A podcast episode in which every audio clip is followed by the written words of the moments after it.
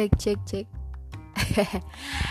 Oke, selamat malam. Terima kasih yang udah denger podcast ini. Ya, ini adalah podcast pertama gue yang mungkin gue sendiri masih canggung dalam pembawaan podcast ini karena ini adalah kali pertama gue record suara atau ngerekam suara sendiri lagi ngomong udah gitu sendirian ya enjoy aja ya sama podcast pertama gue.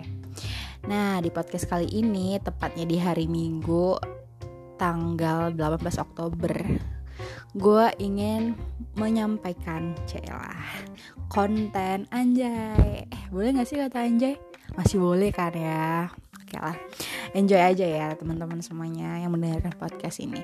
Gue ingin membacakan beberapa uh, bukan beberapa sih uh, sebuah sebuah kata-kata kata-kata puitis kayak gitu.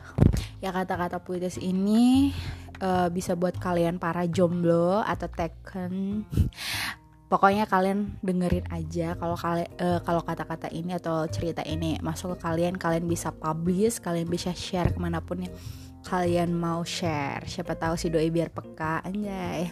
Oke okay, enjoy ya Cinta itu fana, itu adalah judulnya ya guys. Angin malam berhembus menerpa kulit kering, kala penjagaan malamku berhembus di luruh mata yang kerap terpejam membayangkan sosokmu dalam hati.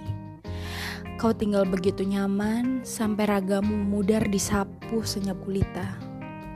Tepat di bawah terang bulan dengan aura sejuk sepanjang ku duduk di kursi kayu, sendiri tanpa ditemani seseorang sebagai subjek, di sisiku hanya tersedia metafora rumit sebagai pelipur lara dan hiperbola sebagai pelengkap bahwa aku baik-baik saja dalam senyum. Masih terlihat tangguh dalam robekan sepi, hanya di sini bersuasana temaram sisa-sisa hujan berbau rindu yang menyengat disertai guguran daun keselokan depan teras. Di mana teduh melingkupi hati yang berangan seolah itu aku, daun tersebut hanyut di aliran mana ia akan menuju.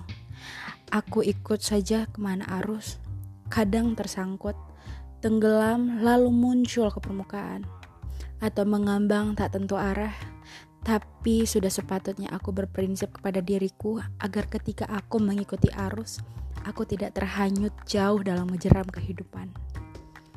Sesekali terdengar suara kendaraan lewat dan serangga nocturnal berdering merdu untuk membuktikan bahwa aku masih hidup sebagai makhluk sosial yang tak hilang dalam lingkungan. Meski tentang hati, hanya Tuhan semata yang tahu. Syukurlah rasa-rasanya kopi yang sedari tadi ku buat berubah menjadi dingin Mulai menaiki puncak kenikmatan kafein di ubun-ubun kepala.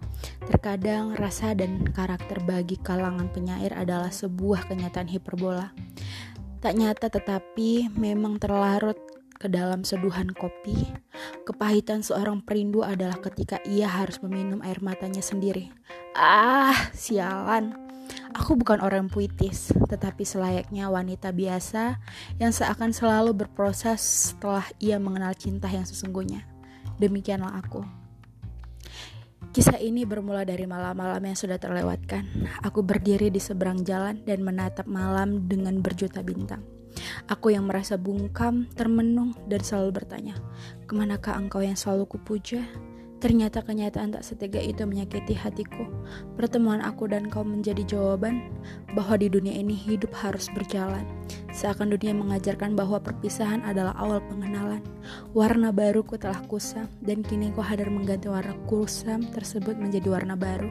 Begitu seterusnya hingga siklus percintaan berakhir di liang kubur.